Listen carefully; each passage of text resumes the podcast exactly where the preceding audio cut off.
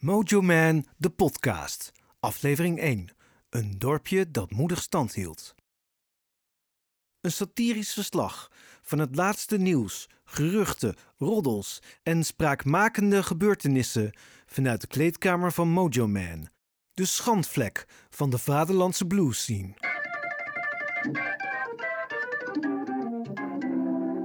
Een dorpje dat moedig stand hield. In deze eerste podcast wil ik u meenemen naar het jaar 2016. De band heeft een zeer succesvol festivalseizoen gedraaid en speelde onder andere op Parkpop, Bluespeer en Rips and Blues.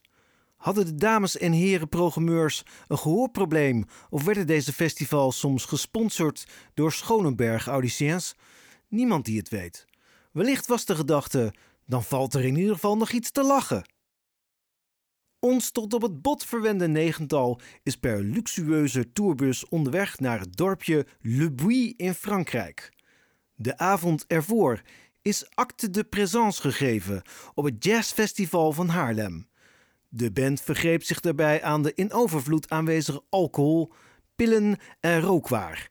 Hetzelfde was ook bijna het lot van de hoogblonde presentatrice, waar het niet dat de heren ondanks de door hen zelf hoog aangeprezen potentie, gezamenlijk niet verder kwamen dan het aanheffen van de carnavalskraker. Ben je geil of wil je een koekje? U kunt zich de sfeer in de tourbus misschien wel voorstellen.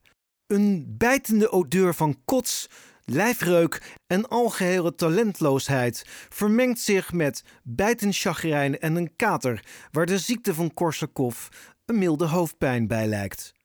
Er hangt een dikke wietmist. Bariton-saxofonist Henk B.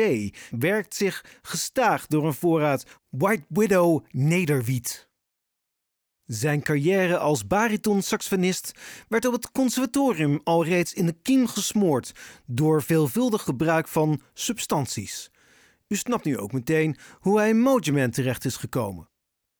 De buschauffeur heeft al herhaaldelijk gewaarschuwd dat hij als het zo doorgaat, geen gevulde koeken uitdeelt.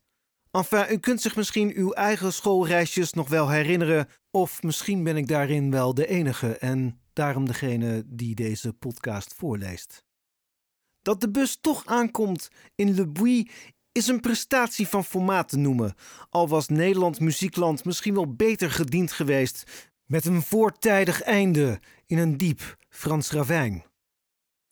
Er is zowaar een heuse villa gereserveerd voor onze klaplopers om de roes uit te slapen. Aan de Franse crew wordt het opbouwen en de soundcheck overgelaten. En neemt u van mij aan, dat was meteen het hoogtepunt van Mojo Man in Frankrijk. Rond een uurtje of elf uur des avonds staat de band dan eindelijk op het podium. Maar liefst twee uur later dan gepland. De festivalorganisatie is zich op dat moment nog niet bewust van de moedwillig gesloopte villa, volgekotst met de exquise Buff Bourguignon, avec copieuze hoeveelheden Beaujolais du Misère.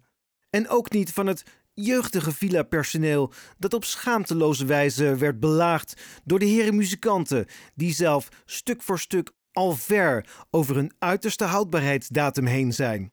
Het ooit zo pittoreske dorpje vervalt daarmee in het luttele tijdsbestek van een enkel dagdeel.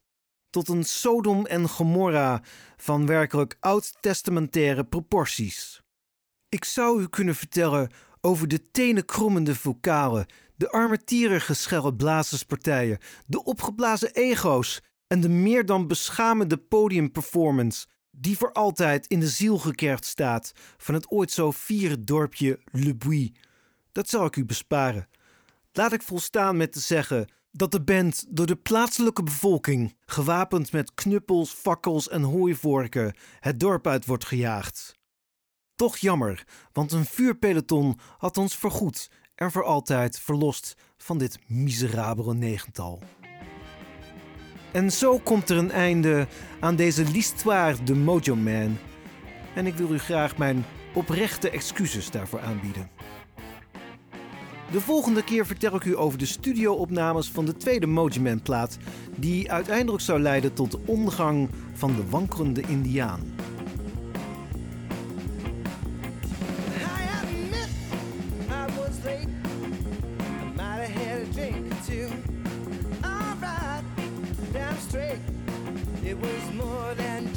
That's no reason, baby.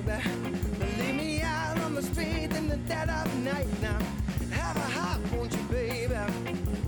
Better think twice, woman. Don't wanna fight.